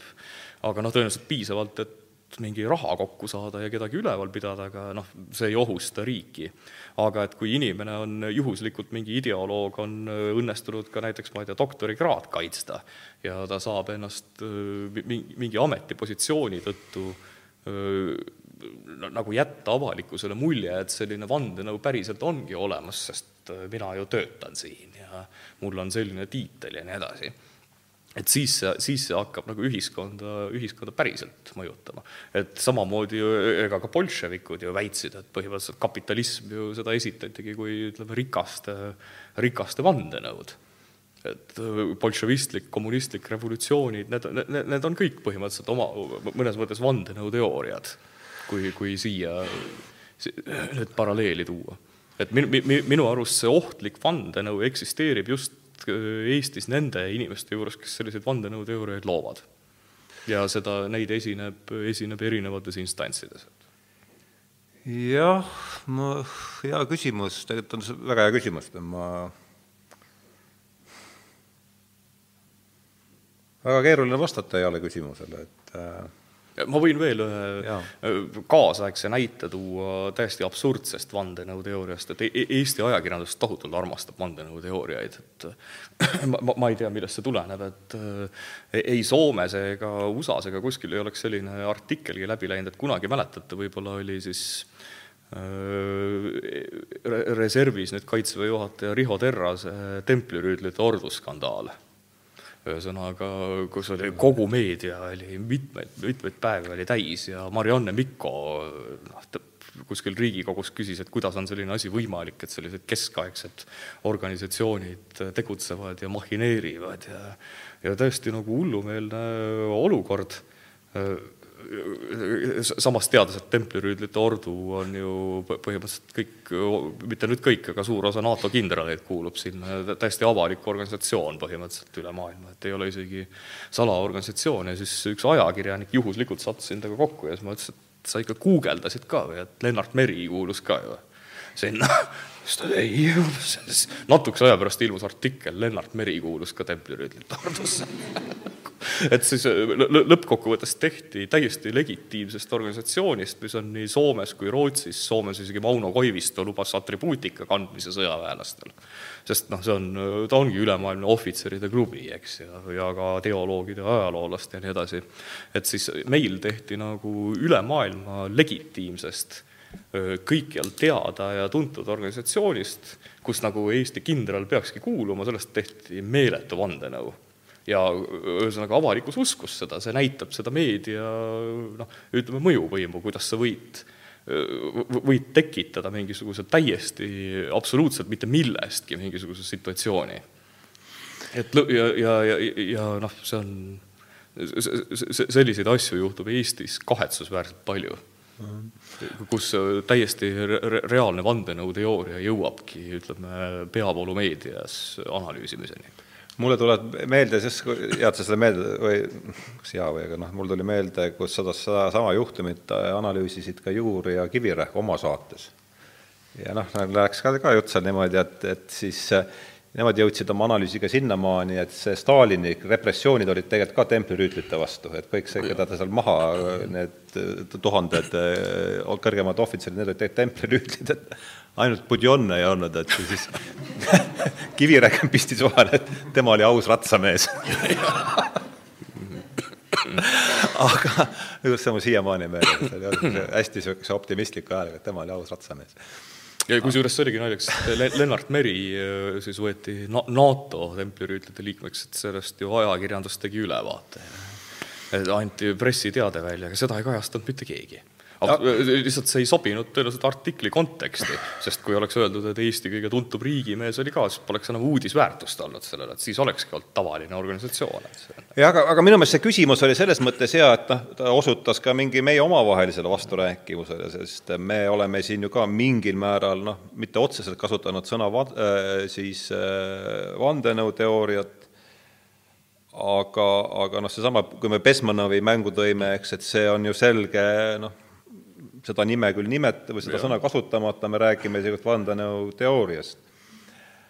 et selles, et, et ühiskonda üritavad mingid jõud noh, mingis suunas nihutada, selle, see on ju noh, päevselge ja meiegi üritame ju ilmselgelt siin praegu noh, no üritaks äh, tulevast äh, siis äärmusliberaalset diktatuuri ära hoida, seda ja, ja noh, eks me ju siin kapitalism võiks ka alles jääda, et tahaks süüa ja nii edasi. suurepärased, suurepärased võimalused, eks me ikka vaiksel, vaiksel viisil üritame teie ajusid siin pesta nüüd omale, omale soodsas suunas, eks, aga noh, selles mõttes uks on ju lahti ja, ja aknad on, aknad on ole-, aknad on et, et, et seda küll jah, et aga et no ma ei usu, selles mõttes, et nüüd noh, et kellelgi noh, kõik üritavad mõjutada, aga mis sellest lõpuks välja tuleb, eks äh, on, on omaette küsimus. mida küll see vandenõu äh, vohamine näitab minu arvates, on see, et meie usaldus, äh, mida rohkem vandenõuteooria on ikkagi mingis määral, ma arvan, niisuguse vaenlase kuju või vastase kuju loomine, et see, ta näitab seda, et usaldus on kadunud see tähendab selle sama liberaalse siis fundamentalismi või dogmaatika vastu on tõepoolest rahva, valdav osa rahva usaldus on kadunud ja tõesti otsitaksegi. kord on, see on see Sorosse vandenõu, no Soros on kõike avalikult teinud minu arust. Soros on täiesti avalikult igal pool välja öelnud, et tema tahab piirideta liberaalset maailma. no minu arust on Soros kõik avalikult otse välja öelnud, et ta ongi vastav ideoloog see noh, kultuurimarksist on, sa oled ise seda sõna hästi palju kasutanud, on tema kohta minu, minu arust ta ei eitagi seda ju. et see ei ole mingi vandenõu, noh, küll ta ka salajas susserdab, aga te, tema see ideoloogia on ju teada. et see, aga ikkagi üritatakse nagu noh, leida sealt mingisuguseid salajas olevaid asju. jah, vandenõu puhul on salajane, üks asi on jah, ta salajane äh, pööki, räägime oma sellest väiksest puhvetist, ega jah, me ei ole ju teinud suurt saladust sellest, mille eest me seisame, et et igaks juhuks üle öelda, et see on lääne ühiskonna, kui oli alguses, oli põhikirjas see, et see on konservatiivsete ilmavaate kaitseks, siis nüüd on meil uus, alates sügisest on siis uus põhikiri, kus on öeldud, et see on lääne tsivilisatsiooni alusväärtused, üksikisiku vastutus ja vabadus turumajandus ja, ja riigivõimule seatud konstitutsioonilised piirangud on need, ja, ja noh, kuniikaua, kui see avalik ei saa seda ja loomulikult me ei ole ka noh, täiesti marginaalne puhvet siin, eks. aga et jah, vandenõu puhul salajasus ja, ja, ja kõik üritavad ja noh, kuhu see asi nüüd lõpuks välja viib, et siin, ma ei tea, kas, kas see on vastuseks küsimusele, aga aga mul meenub miskipärast ta ei olegi vastus küsimusele, aga ta võib-olla tõukub sellest küsimusest. et see on Jungi mõte, et mitte meie ei vali ideid, vaid miskist piirist hakkavad ideed meid valima. ja ma arvan, et see on oluline nüüd ka selle, selle raamatu kontekstis, et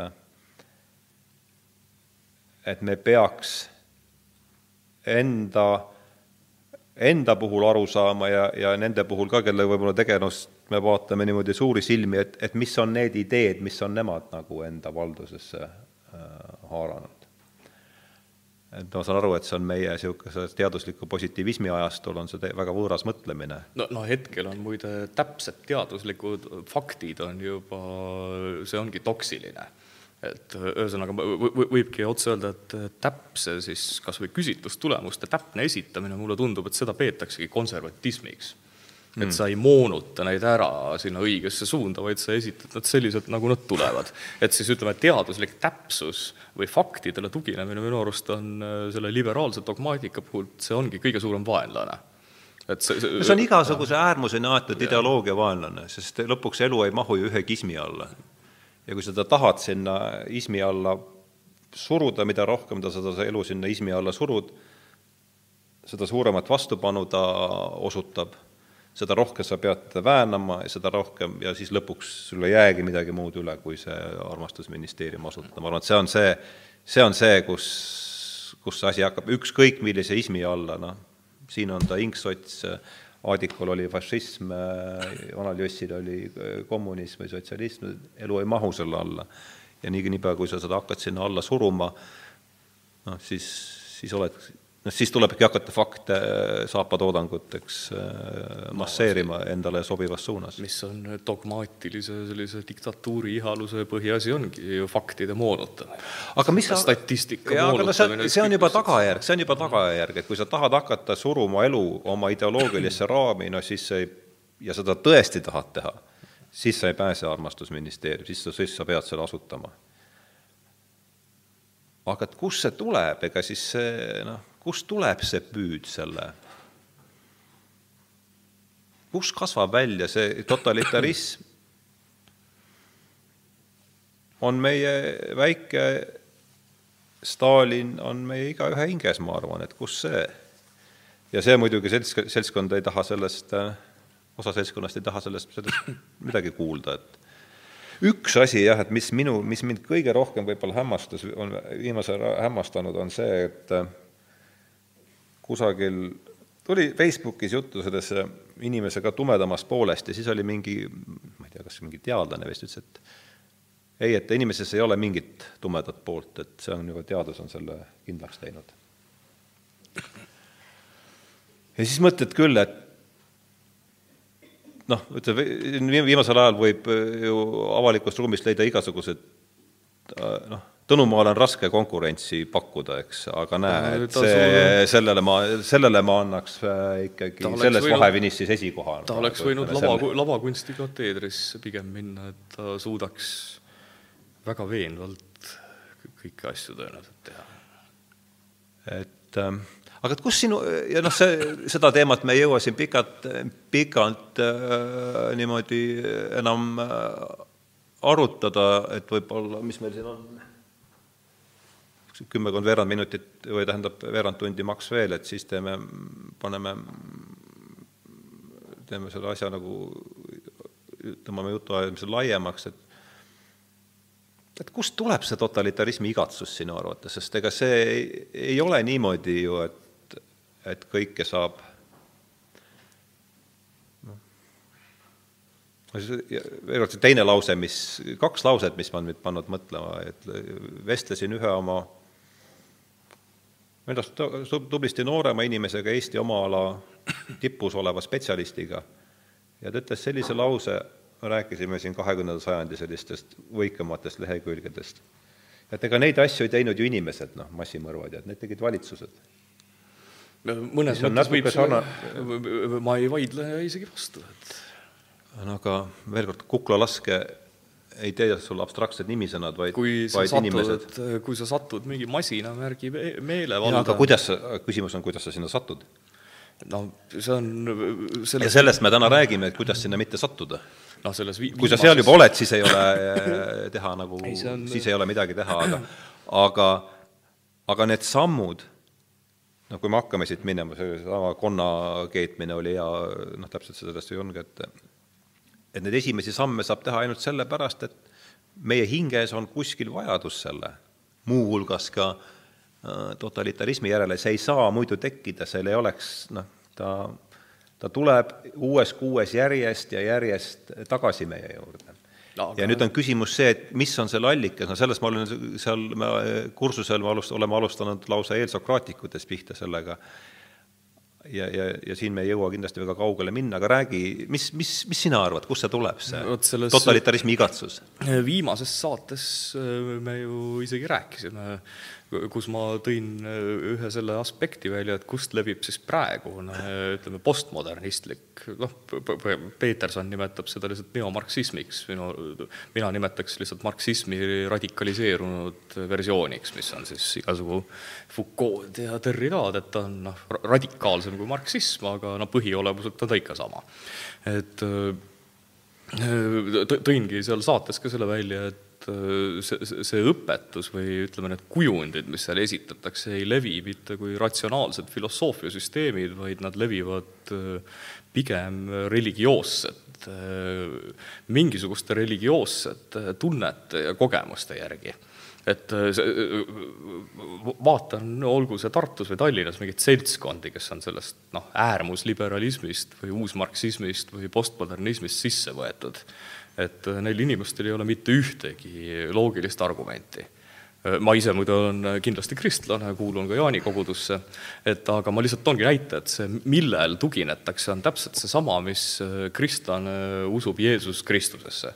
tal ühesõnaga ta ei saa nagu ratsionaalselt ja ükski usklik ega ka kristlane tõenäoliselt ei üritagi ratsionaalselt mingisuguseid usuväiteid tõestada, see on tema personaalne küsimus, millesse millesse ta usub, et ta ei lähe mingeid loodusteaduslikke fakte tuues tänapäeval tõestama, et ma ei tea, Jeesus kõndis vee peal või noh, ta enam-vähem tänapäeval teatakse, et need on suures osas sellised illustratiivsed muinaslood tihtipeale, mis lisati, lisati ka juurde nendele tekstidele, aga et va vaadates neid siis nõndanimetatud, olgu see siis postmodernistlikud, neomarksistlikud, äärmusliberaalsed noh, see on enam-vähem sama kõik.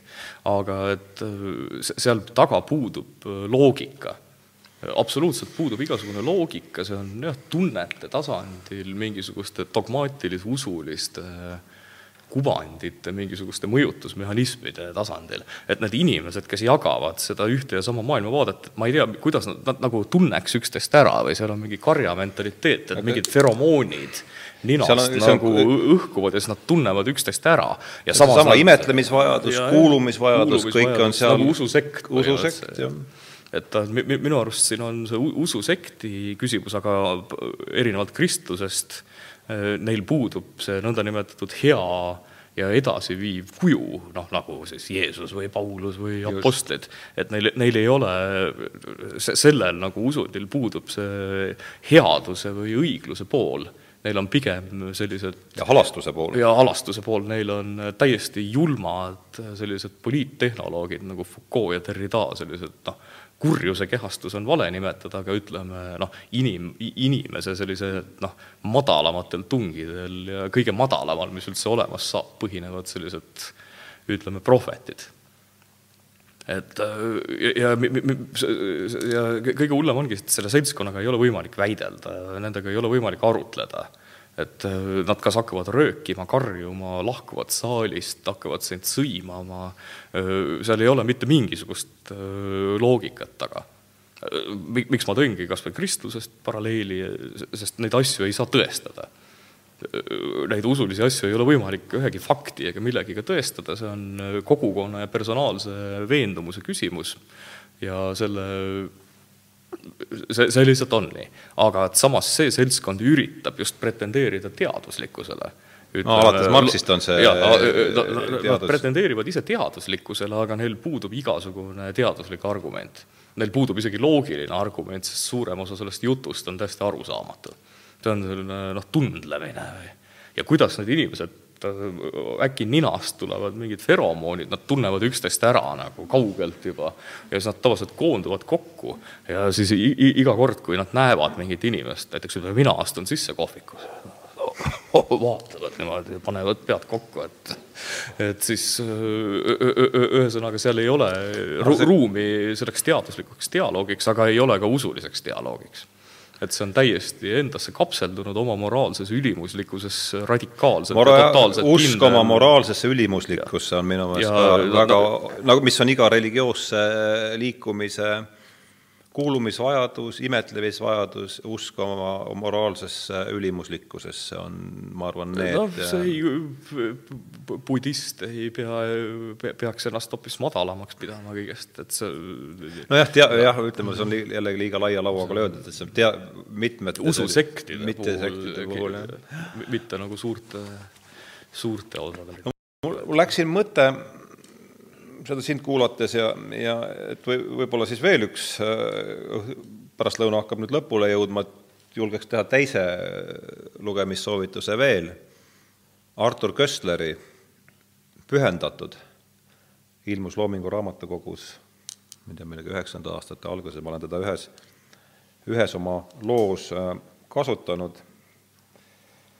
ja, ja ma arvan, et see on niisugune siin ta paneb nagu näpu, ühesõnaga see mm, pühendatud äh, on lõik äh, kogumikust äh, Äpardunud jumal, kus siis kuus või ma ei, ma ei tea, palju lääne intellektuaali, kes on kuulunud siis kommunistlikusse parteisse ja sealt hiljem välja astunud, ja siis kirjutavad oma mälestusi sellest, kuidas nendest said kommunistid ja, ja, ja siis vaatavad seda tagasi. ja siin on üks märkimisväärne lause. Ühesõnaga, vaatan, kus ma selle, et küsimus on see, et kuidas, et kui me nüüd vaatame, Köstler räägib siin roosast kümnendist, mis on nagu haak-, haakub selle natuke meie, meie praeguse olukorraga, et et küsimus et kui me nüüd vaatame, kes seal, kes olid kaasa, kes laulsid Stalinile Hosiannat kolmekümnendatel aastatel, kui see nimekiri ette võtta, siis see on enam-vähem paljuski nagu kes on kes lääne kirjanduses et kes, mis sundis neid seda tegema, äh, noh, enamasti aruk-, hea uskida, kuidas nad mis, mis seda tegi. ja et Köstleri järgi oli vasakpoolse, see on mul nüüd, see on mu enda tekst, et no vabandage, et Köstleri järgi oli, see on kaks asja siis, äh, tundlikele natuuride omane mäss ümbritseva sotsiaalse ebaõigluse vastu, see on üks tõukajõud kindlasti ja kirjasõnaga leiba teenivate inimeste loomupärane tung elu mingi abstraktse vormile alla painutada, seda me oleme, sellest me oleme ka juba rääkinud, see, et elu ei ja, ja siin ta siis ütleb, et, et noh, kol-, pluss olu-, see, kus tema siis komp-, komparteisse astus kolmekümnendatel aastatel, kolmandik palgatöölisi on töötud, kodusõda käib, inimesed peavad valima pooli ja, ja, ja Köstlerist näeme, et sotsiaaldemokraatid, sotsiaaldemokraadid on võimuga kaasajooksikud ja et ainus võimalus siis tõesti fašismile vastu seista on ühendada siis kommunistidega. ja ta ütleb, ja see on nüüd väga oluline siin, tsiteerin Köstlerit, aga minust ei saanud kommunisti elimineerimise teel, kirjutab, kirjutab Marxi, Engelsit ja Leninit tudeerima hakanud Köstler. kui ma olin Feuerbachi ning riigi ja revolutsiooniga lõpule jõudnud, käis mu ajus klõpsatus mis raputas mind nägi läbi nagu vaimne plahvatus. kirjeldab ta paar lauset hilja, hiljem järsku imeväel teoreetilisse konstruktsiooni sobitavat maailma. igale küsimusele leidub nüüd vastus, kahtlused ja vastuoksused on jäänud piinarikkasse minevikku, et ühesõnaga ajus käib klõps ja kogu see hoomamatu ümbrus nüüd mahub selle abstraktse vormeli alla, ma arvan, et see on üks, mis sa selle mõtte kohta no ei, see, see on ju noh, see ongi, et mingi noor inimene läheb kuhugi mõnda, ma ei tea, sotsioloogiat või antropoloogiat õppima, võib-olla mõni tahab mingit vana hõimu uurida ja teine tahab, ma ei tea, ühiskonda aidata või või, või, või, noh, ükskõik mis sellist või võib-olla mõni läheb filosoofiat õppima ja siis kui, kui sulle ikka nagu õppejõud nagu süstemaatiliselt lihtsalt ühte ideoloogiat pähe taovad. et palju siis on neid inimesi, kes noorena suudavad sellele vastu panna.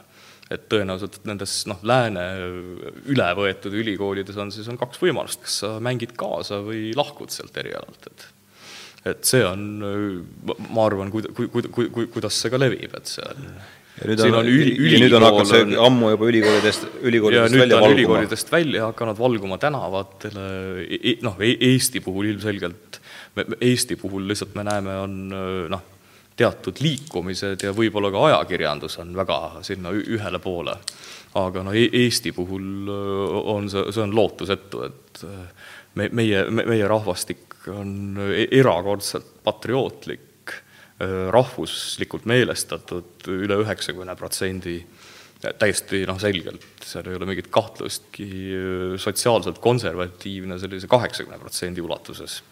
et et nagu, nagu e-, Eestis ütleme, kui sellised nüüd hakkavadki nagu need asjad välja tulema, no EKRE sai üheksateist kohta ja Isamaa kaksteist ja ja järsku tegutsevad mingid kodanikeorganisatsioonid, kes avaldavad numbreid ja et tegelikult noh e, Eesti puhul on näha sellist väikest paanikat.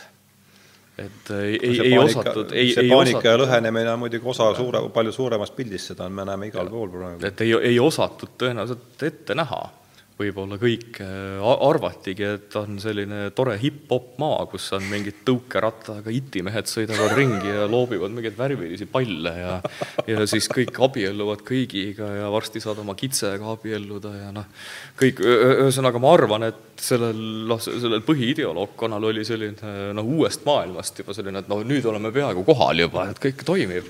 ja, ja, ja nüüd ei mahu vormeli alla asi. järsku ei olegi nii, et ma arvan, et see on selline noh, üp-, üpris suur pettumus, mis toob tohutut raevu loomulikult ka. aga viga ei ole mitte vormelis, vaid elus? ei, viga on inimestes, need on mõistmatud ja kurjad ja pahad, et inimene süsteemi, see on Miloš. ja siin veel üks äh, lugemissoovitus sellest, võib-olla nendest, Šestov Miloši vangistatud mõistus, kirjutatud üheksasada viiskümmend kolm, kui ta äh, kindlasti väga selle teemaga haakub, et noh, tegemist on ju akadeemiaga, siin tuleb anda lugemissoovitusi eks ole. nii et mis meil siis on, Orwell tuhat üheksasada kaheksakümmend neli, Vonnegut, äh, Ürgpimedus, Artur Köstler Pühendatud ja Tšeslav Miloš äh, Vangistatud mõistus.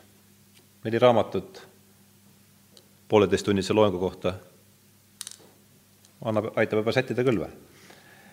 et aga võib-olla siis tõmbame praegu äh, sellele kahekõnele joone alla, ma loen lõpetuseks Köstlerilt ühe lõigu, mis mulle endale väga meeldib, haakub teemaga. usklikuks ja ustavaks ei hakata, usklikuks ja ustavaks ei hakata teadlikult.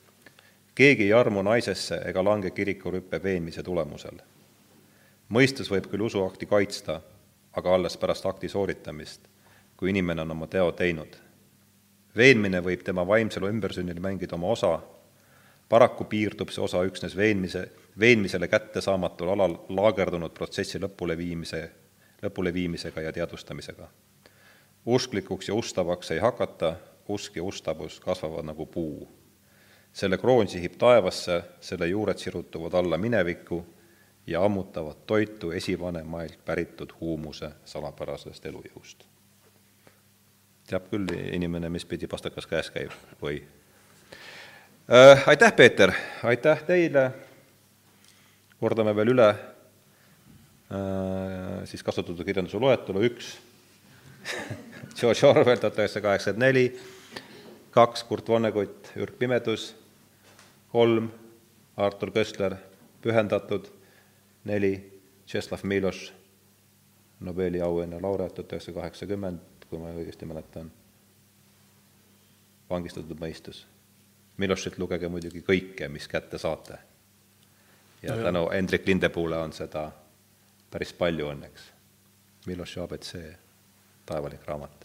noh, ja kui sa neid ka edaspidi kõiki edasi propageerid ja erinevaid saateid teed, et siis loodetavasti ka seda liberaalset diktatuuri edeneb mu, endale edeneb mu vandenõu hästi. et lo-, lo-, lo-, loodame, et kuskil, kuskil mingisuguses keldris ei ole inimesi, kes praegu mõtlevad, kuidas sust lahti saada et kallavad apelsinimahla keegi torgib, keegi torgib nende kuradi äh, neid tikke varvastesse. ja voodoo nuppu näiteks, et kuulge, aga paneme siis selle kinni.